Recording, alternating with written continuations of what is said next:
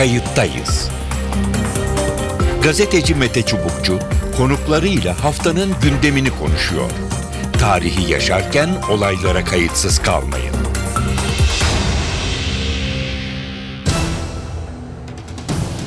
İyi günler.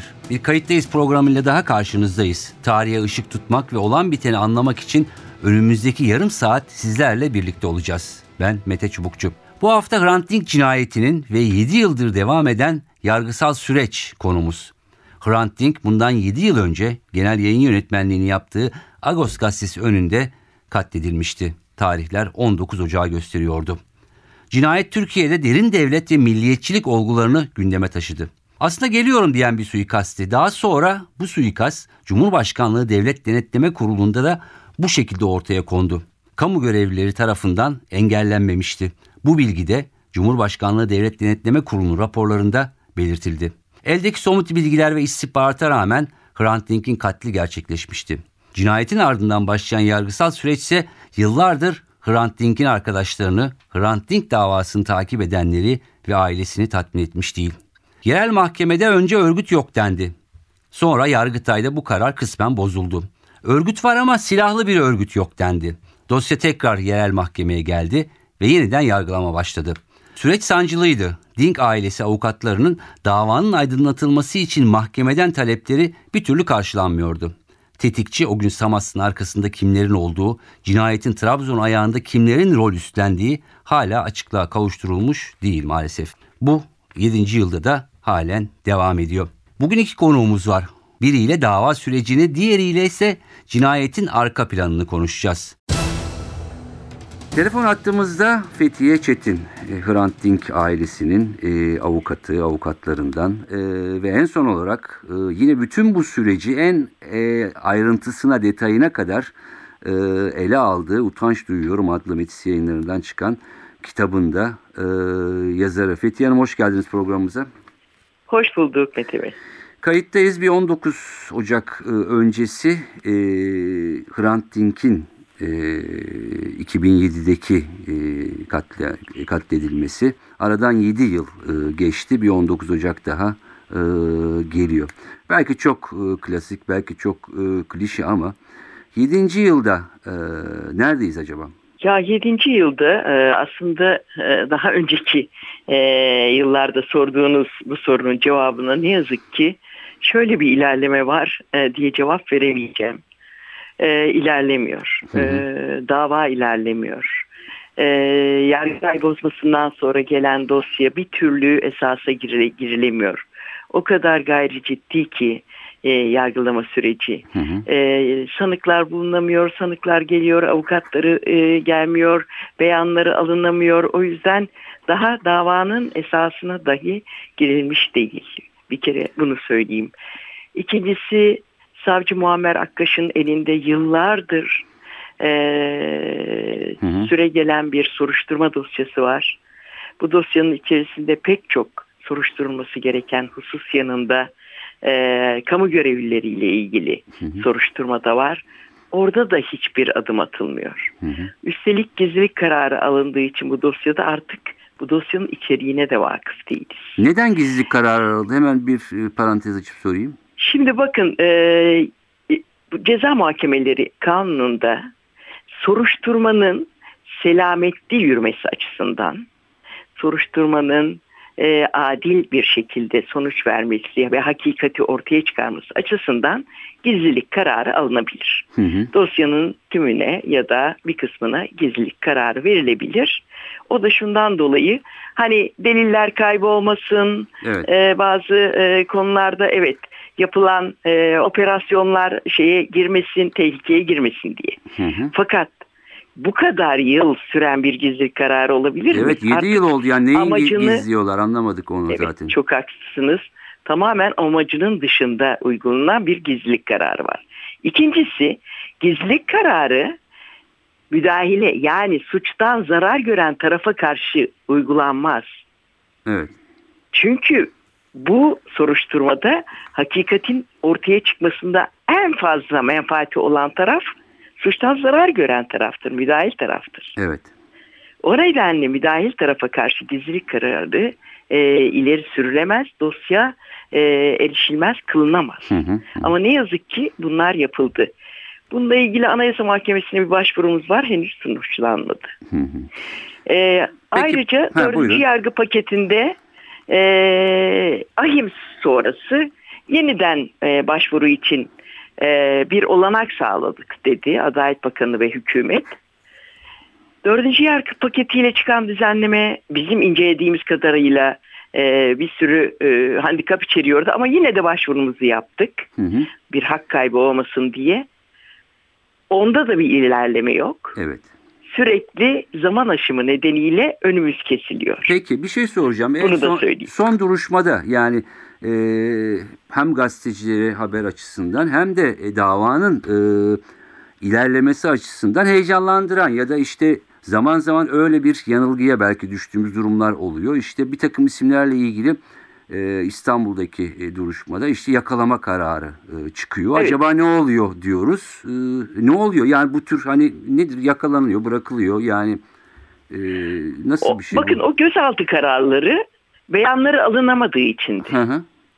Beyanlar alınamıyor. Ya, hani Yargıtay sonrası dosyaya yar, yar, Yargıtay'ın bozması ile ilgili taraflara sorular sorulur.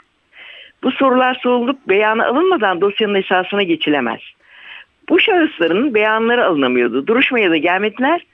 Beyanlarının alınması için gözaltı kararı çıktı. E ama 7 yıldır Beyanları alındı, 7 serbest. yıldır alınmayan karar hemen bir günde demek ki bulunabiliyor, alınabiliyor. Yani biraz tuhaf değil mi? Tabii bu? hemen de bulunabilir yani istenirse. İstenirse. Hı hı. Yani gerçekten e, bu, bu e, davayla ilgili siz de e, izliyorsunuz dışarıdan. E, ömür törpüsü gibi bir şey yani. Ve e, bu son gelişmeler de gösterdi ki bu son tartışmalar gerçekten bu davanın, bu soruşturmanın e, belgeleri tümüyle geçersiz hale gelmiştir. Çünkü Hı hı. tartışmanın odağındaki şahısın imzaladığı belgelerle e, mahkeme iş yapıyor. Mesela size söyleyeyim. İstihbarat Daire Başkanlığı'na yazı yazılsın Hı hı. ve şunlar şunlar istensin diyoruz. Evet. Ya da işte örgüt var mı bu konuda diye sorulsun. Kim e, cevap veriyor buna o dönem? Ramazan Akkürek veriyor. Hı hı. Yani bir örnek vermek gerekirse. O zaman Trabzon'da olan. Evet, evet. mi? Trabzon'da e, emniyet müdürü olan sonra istihbarat daire başkanı Başkan, evet. olan ve şu anda tartışmaların odağında olan isimlerden biri. Hı hı. Yine aynı şekilde MIT'e defalarca MIT'e yazı yazdırdık. Hı hı. MIT hiçbir şekilde hiçbir bilgi vermedi. E, biliyorsunuz ben kitapta da e, bunu e, Evet. özellikle yazdım. E, bir MIT'çinin ihbarı e, şeklinde. O e, belgelerle birlikte başvurdum. Yine iki satırlık e, bir şeyle reddedildi. E, ve e, şimdi yeniden e, başvurdum. O da şey için e, o belgelerin altındaki seri numaralarının Devlet Malzeme Ofisi'nden araştırılmasını istedim. Hı hı. Hangi bilgisayarda yazıldığını. Hiçbir cevap yok. Gizlilik nedeniyle hiçbir bilgi verilmiyor. Hı hı. Ve bugün siz de biliyorsunuz ki MIT de tartışmaların odağında. Evet. Yani o nedenle bu dosyada e, gerçek bütün gelişmeler bize haklı çıkarıyor. Haklı çıkmayı da istemezdik şu 7 Hı hı. yılda. E, çünkü gerçeğin ortaya çıkmasını e, arzu ediyoruz. Evet. E, gördüğünüz gibi bu e, soruşturma dosyası şu anda tümüyle bir şaibe altında, tümüyle e, geçersiz e, belgelere dayanıyor. Hı hı. Tartışmalı ve kuşkulu isimlerin gönderdiği Hı hı. belge ve delillere dayanıyor. O yüzden bunun yeniden ele alınması lazım. Evet. Şimdi e, Kırmızı Pazartesi e, romanı vardır. E, Evet. Yani herkes Marquez. bilir aslında Marquez'in hani e, cinayeti bir tek e, o kişi e, bilmez. Belki iyi bir örnek değil ama şimdi biraz önce Evet. sizin konuş- e, anlattıklarınızdan sanki şu çıkıyor ortaya işte MİT dediğiniz Emniyet Müdürlüğü, istihbarat, jandarma bütün bunlar e, var. Evet. Devletin hani e, kurumları, e, güvenmemiz Evet. gereken e, kurumları. E, belki gizlilik de bunun için e, alınmış olabilir. Onu da e, bilmiyoruz. Ki bu, bu kurumlar zaman zaman birbiriyle çatışır, çelişir falan. E, burada sanki bir konsensus var gibi e, duruyor. 7 yıldır devam eden bir süreçte. Gerçi son dönemde tekrar bir e, çelişkiler yaşanmaya başlandı ama ne dersiniz? Şimdi çok haklısınız. Bu e, gezilik kararının amacı dışında e, kullanıldığını söylemiştim ve hep şunu e, söylüyorum son zamanlarda bu davayla ilgilendikten sonra. Aslında gezilik kararı bir anlamda da sizin çok e, isabetli bir biçimde değindiğiniz gibi bazı e, devlete doğru giden delilleri, ipuçlarını yok etmek, Hı hı. bu tartışmalardan ortaya çıkabilecek bazı işaretleri ortadan kaldırmak için de e, ne yazık ki kullanılıyor. Evet. Pratikte ben bunu yaşadım. Hı hı. Çok haklısınız. Bugün tekrar biliyorsunuz e, gruplar arası, kurumlar arası inanılmaz e, tartışmalar var. Evet. Bu hep başından beri vardı. Daha önce jandarmayla e, polis arasında, emniyet arasında vardı. Hı hı. Sonra emniyetin kendi içinde oldu ve yine aynı şekilde şimdi Hı hı. bu tartışmalar içerisinde.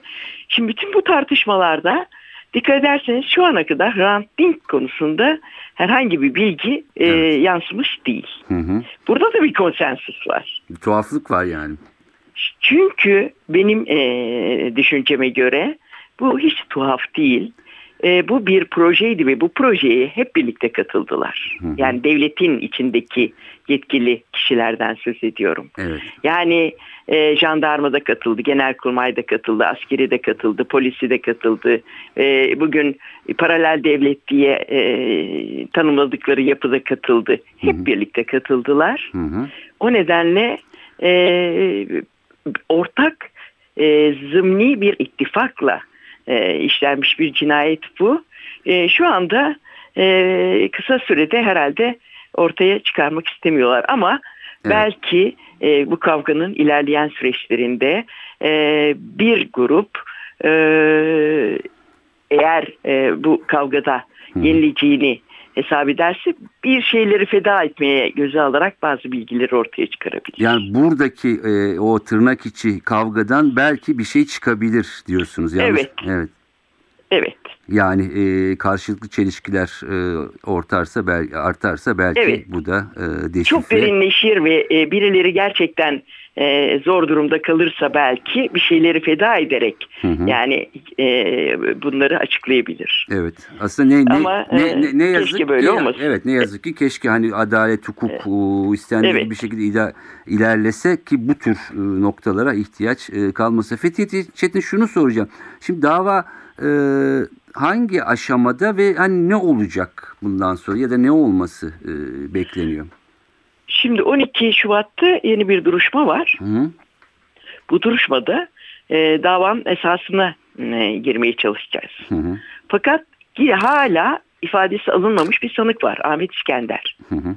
Ve Ahmet İskender'in de yurt dışına kaçtığını e, öğrendik. Ahmet İskender kimdir, nedir rolü ya da işte iddialar? Ahmet İskender bu Yasin Hayel'e e, cinayette e, yardım ettiği Hı hı. e, söylenen e, orada bir e, kırtasiyeci Evet. e, şey e, Trabzon Pelikli'de kırtasiyeci. Hı hı hı. Ahmet İskender sanıklardan Ahmet İskender e, hala bulunamadı ve yurt dışına e, gittiğini biliyoruz. Hı hı. Eğer Ahmet İskender gelmezse bu duruşmaya Hı hı. e, mahkeme iki şey yapabilir. Ya yeniden erteleyebilir ya da onun dosyasını ayırıp e, davanın esasına geçebilir. Şimdi bundan sonra ne yapılmalı? Evet. E, yani biz bunu yapacağız ama tüm e, tabii ki kamuoyunun da Hrant'ın arkadaşlarının da e, bu konuda e, takipçi ve ısrarlı olmasını isteriz. E, bu davada bir takım talepler olacak. O ta- taleplerin takip edilmesi gerekiyor. Ee, peki 19 Ocak'ta da e, bir anma ya da adaleti arama e, Evet. etkinliği e, olacak. E, sanırım Evet. Taksim'den Agos Gazetesi'nin önüne e, Hrant Dink'in e, maalesef katledildiği yere e, pazar günü e, muhtemelen yine e, kalabalık bir topluluk orada bulunacak e, diyelim. E, ben normal işlese keşke süreç e, biraz önce Evet. sizin söylediğiniz bu çelişkiler belki yeni bir şey e, çıkarabilir. E, Evet. Yani istediğimiz istenilen belki bir yol değil ama belki oradan da bir şey çıkma umudu olabilir e, diyelim. Evet. Fethi Çetin çok teşekkür ediyorum. E, buradan yayından ayrılmadan da belki Hrant Dink'in katledilişinin 7. yılında e, hem avukat olarak hem de bu süreci Utanç Duyuyorum adlı kitapla gerçekten en ince detayına kadar yazan ve bunları e, hatırlamak isteyenlere de bir kez daha tavsiye ediyorum. Çok teşekkürler kayıttayız Ben programına teşekkür katıldığınız için. ediyorum. Çok sağ olun. İyi günler. Telefon attığımızda Hayko Bağdat var. Hayko Bağdat Taraf Gazetesi'nde köşe yazarı ve Hrant'ın arkadaşları e, grubunun e, bir e, üyesi. Hayko Bağdat hoş geldiniz programımıza. Hoş bulduk. Çok teşekkür ederim. Bu hafta kayıttayız da e, malum 19 Ocak e, sevgili Hrant Dink'in e, yıl dönümü. E, 7 yıl e, Evet. olmuş 2007, 2014, 19 Ocak. 7 yılda e, nereden nereye gelindi Hayko Bağdat ne dersiniz? Şimdi 7. yılında aslında e, hatırlayalım cinayetten iki gün sonra işte Sayın Başbakan'ın da çok övündüğü bir hal vardı. İşte iki gün, iki, iki gün içinde faili yakaladık. Ee, işte bu cinayet devletin karanlık dehlizlerinde kaybolmayacak dediği bir dönem vardı. Ee, sanırım işte 7 yıl sonra hala o noktadayız. Elimizde hala işte o zaman 17 yaşında olan şimdi işte kaç yaşında olan bir gencin e, fail olarak e, bulunduğu bir haldeyiz. E, yani delil olarak e, hukuksal olarak bu noktadayız. Hı hı. E, orada o Trabzon'da işte o failin ve etrafındaki 3-5 tane adamın e, sanık olarak veya hükümlü olarak e, etrafımızda dolaştığı hallerdeyiz. Algı olarak şunu biliyoruz. Devlet bütün kurumlarıyla bu cinayetin e, şeyidir, sebebidir, failidir.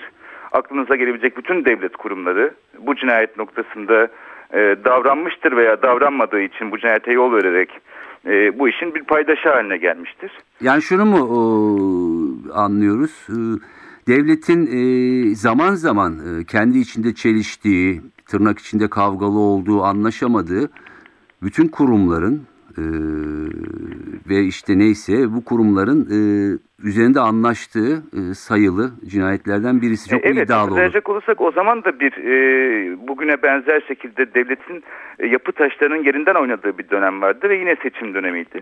Buradan bugünlerin de aslında tehlikeli günler olduğunu da, sonucuna da varabiliriz. Fakat e, biraz şunu da konuşmak lazım. O zaman e, ilk akla yatkın senaryo, e, ilk e, etrafta konuşulan senaryo şuydu. E, Hrant Dink'i Ergenekon öldürmüştü.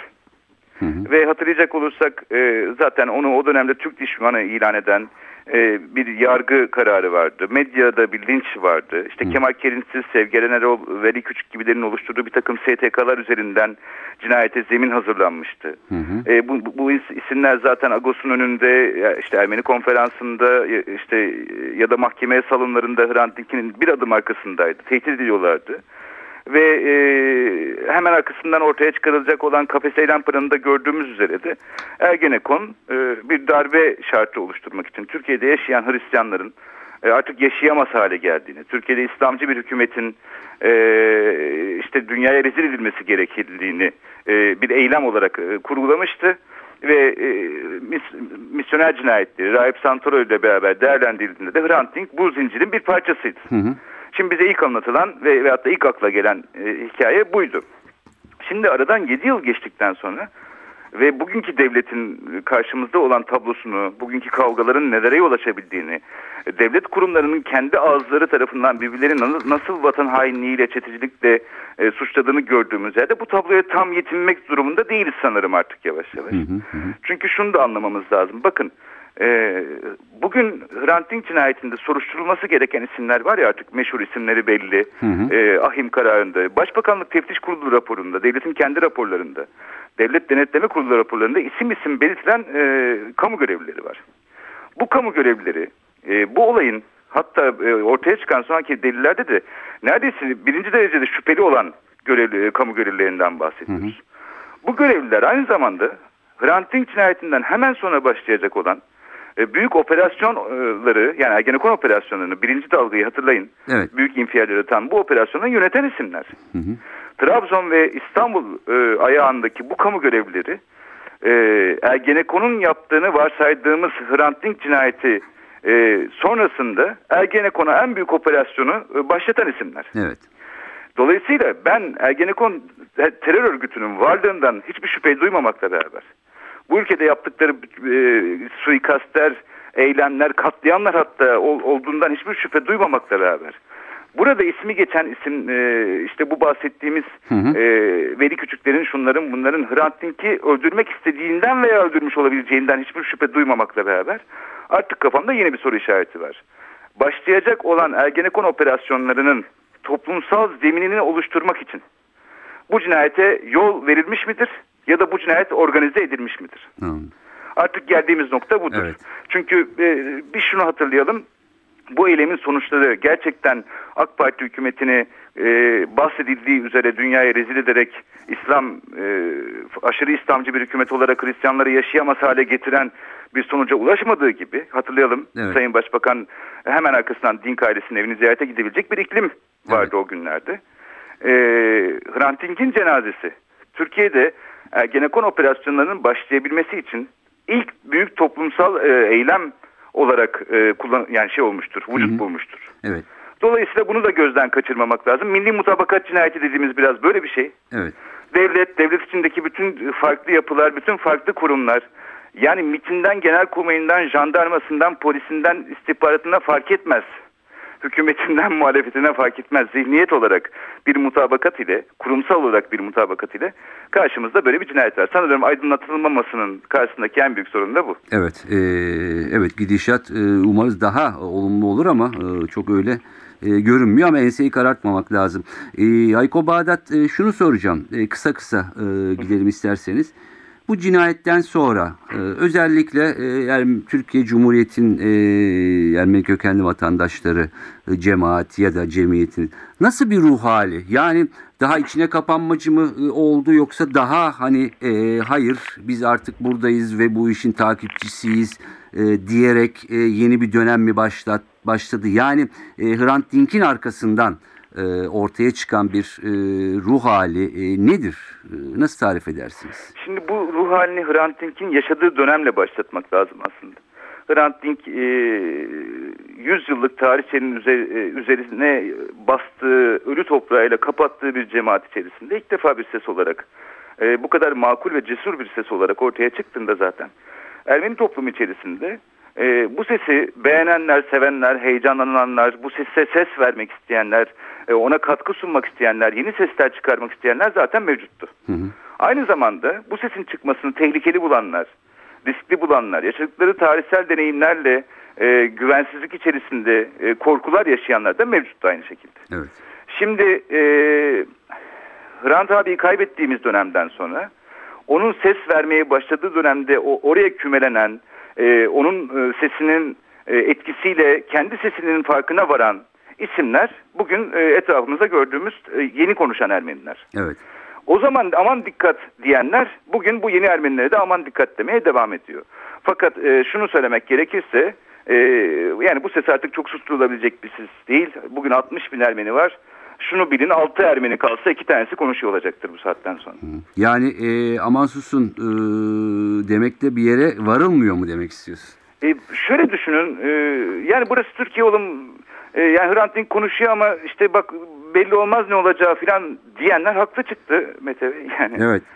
yani ne diyebiliriz şimdi onlara? E şöyle e, demek lazım. E, yani kişisel olarak e, bu konuda yalnız olmadığımızı da e, düşünüyoruz. E, hiç kimse yalnız değil. E, bunu da e, bilmek lazım. Yani bunu belki daha yüksek sesle seslendirmek lazım. E, belki dediğin gibi Hrant Dink'le başlayan süreç ve onun katledilmesinden sonraki süreçte e, bu cesaret daha da arttı gibi ya da olması E, ama gerekir diye bunu düşünüyorum. Gezi'de de gördük. Yani korku da cesaret de bulaşıcıdır.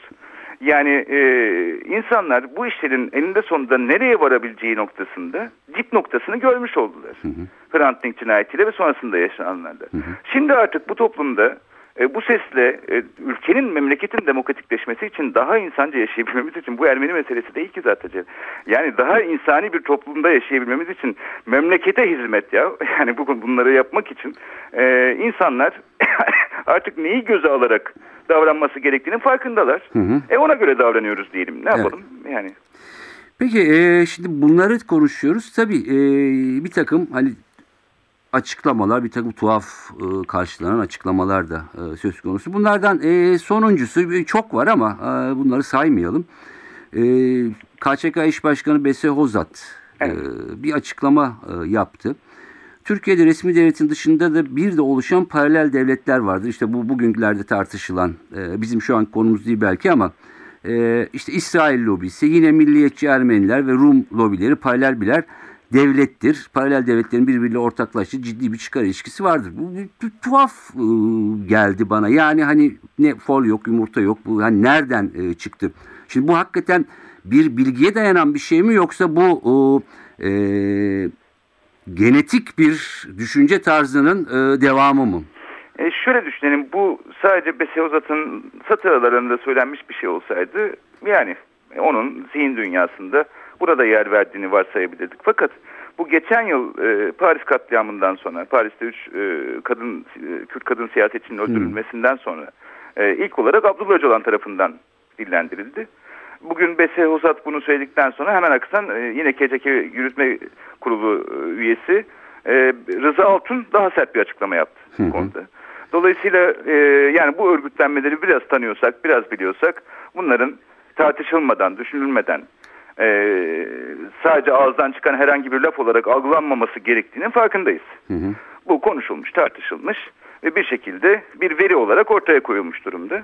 Ve burada işaret edilen şey Paris katliamıdır. Evet. Yani Paris'te öldürülen kadınların uluslararası Gladio'nun e, bir eylemi olduğunu, bunun Türkiye kontrgerillası içerisinde de e, bir paydaş olarak desteklendiğini ve bunun içerisinde Ermenilerin, Rumların, Yahudilerin de olduğu söylenen bir algı bu. Şimdi hepimizi zor duruma düşüren bir durum elbette. Çünkü e, aslında bunu bir MHP'li e, vekil söylemiş olsaydı bugün HDP e, Taksim'de eylem yapıyordu. Evet bu da ilginç tabii. E tabii yani dolayısıyla e, bu bakışın e, Bir de oradan bu aralar yani o e, şeyden gelmiyor olması yani oradan böyle bir e, şey yok. Bir açıklama yok en azından. sanırım e, Abdullah Öcalan bir mektupla bu konuyu açıklığa kavuşturacağını söylediği için bir beklen, bekleme durumu söz konusu. Tabii ki burada e, buna hassasiyet gösteren insanlara da başka bir karşı hassasiyet gösteriliyor. Kürt hareketinin şimdiye kadar e, Ermeniler, Rumlar meselesine, tarihte yaşadığı travmalara bakışı, ne bileyim Osman Baydemir'in Diyarbakır'da yaptıkları, Abdullah Demirbaş'ın Sur Belediyesi'nde yaptıkları, Ahmet Türk'ün dilediği özür, genel olarak bir bakış görmezden gelinerek buna bir tepki gösterildiğine dair bir alınganlık da Kürt tarafında var. Oysa biz bundan bahsetmiyoruz. Bütün bunlar e, hali hazırda bilinen şeylerdir, takdir edilen şeylerdir. Bütün o yapılan e, işlerin yanında durulmuştur. Fakat durup dururken Ermeniler bir alınganlık göstermiyor. E, ortada çok ciddi bir itham var. Bu itham hepimizin gözü bebeği gibi e, koruduğu barış süreci içerisinde Allah korusun diyelim önümüze çıkacak ilk provokasyonda Türkiye'deki bütün Ermenileri, Rumları, Yahudileri topun ucuna koyar. Türkiye'deki ırkçılığın ve ırkçıların kucağına atar. Dolayısıyla çok tehlikelidir. E, dolayısıyla bir de bugünlerde e, bu cinayet hakkında e, MIT'in e, çıkan ses kayıtları, yeni tartışmaların ışığında bakacak olursak bir hedef saptırma niyetinin Kürt tarafı tarafından da makul görülmüş olma, ihtimalini e, görmek lazım. Bir de şunu unutmayalım 2015 geliyor. Evet. 2015'te e, biraz da zor günler geçireceğiz hep beraber diye düşünüyorum ben. Türkiye Cumhuriyeti Devleti'nin bu meseleyi nasıl karşılayacağına dair karar aşamasında olduğunu biliyorum. Bununla ilgili Ankara'da komisyonlar kurulduğunu biliyorum. Ve 2015 e, yaklaşırken e, onu görmeden bu açıklamaları okumak da çok mümkün değil diye düşünüyorum. Peki. Ee, Hayko Bağdat e, bir de e, kısa olarak e, Hrant'ın arkadaşları e, anlamında program e, nedir? 19 Ocak'ta e, Türkiye'de, Türkiye dışında ne tür e, anma, etkinlik e, ya da toplantılar söz konusu? Şimdi dünyanın birçok yerinde ve Türkiye'nin birçok yerinde pek çok etkinlik yapılıyor. Sayarsam sanırım vaktini çok fazla alacağım. Fakat asıl program saat bir buçukta Taksim'den e, Agos'a yürüyüştür. E, sanırım yine çok kalabalık bir kitle olacak. E, Agos'a yürünecek tekrar. H- Hrant abinin vurulduğu saatte bir anma e, saygı duruşu yapılacak. Ve yine Agos'un camından Hrant'ın arkadaşlarından yani bunu Hrant'ın arkadaşları örgütlenmesi olarak söylemiyorum. Hrant'ın geniş çevresinden bir arkadaşımız camdan e, son durumla ilgili hassasiyetlerini e, belirteceği bir konuşma yapacak. E, bunun dışında e, pazar gününe denk geldiği için sabah mezarlıkta bir anması var. Dini bir tören var. Ailenin katılacağı. Ama şunu söyleyeyim e, New York'tan Almanya'ya, Fransa'dan e, Beyrut'a, e, İzmir'den Ankara'ya, Bodrum'a kadar e, dünyanın ve Türkiye'nin her yerinde çok değişik e, etkinliklerle e, Hrant Dink anılacak. Tabii burada bu bir anma bir türlü bir anma noktasına dönüşemiyor. Hala bir öfkeyle, Evet. bir adalet arayışı nöbeti halinde düşünmek lazım. Evet. Yani biz arkadaşımızı anamıyoruz hala. Biz arkadaşımızın e, adaletini arıyoruz. Adalet nöbetini tutuyoruz ve bunu hala büyük bir öfkeyle yapıyoruz. E, bu karışık duygularla beraber bir pazar günü geçireceğiz. Evet, adalet e, bulunana e, kadar, e, yerini bulana kadar da herhalde her 19 Ocak'ta e, benzer taleplerle orada olunacak. Hay- Hayko Bağdat çok teşekkür ediyorum yayınımıza katıldığınız için. Ben teşekkür ederim. Sevgiler. Hoşçakalın. Evet, bu haftada programımızın sonuna geldik. Bu yıl Hrant Dink'in aramızdan ayrılışının 7. yıl dönümü. Yine her yıl olduğu gibi Taksim'den Agos gazetesi önüne yürünecek. Hrant'ın vurulduğu yerde adalet talebi dile getirilecek. Hrant için, adalet için denilecek belki yine. Belki Türkiye'de son günlerde olan bitenler de bir şekilde Hrant Dink e, cinayetini Fethiye Çetin'in söylediği gibi acaba aydınlatmaya yetecek mi ya da buna bir yol açacak mı hep birlikte göreceğiz. Ancak Hrant Dink'i 7 yıl önce bir 19 Ocak tarihinde kaybettiğimizi unutmayalım diyoruz. Ben Mete Çubukçu, editörümüz Sevan Kazancı. Kayıttayız programından bu haftada iyi haftalar diliyoruz. Önümüzdeki hafta tekrar buluşmak üzere. Kayıttayız. Gazeteci Mete Çubukçu konuklarıyla haftanın gündemini konuşuyor. Tarihi yaşarken olaylara kayıtsız kalmayın.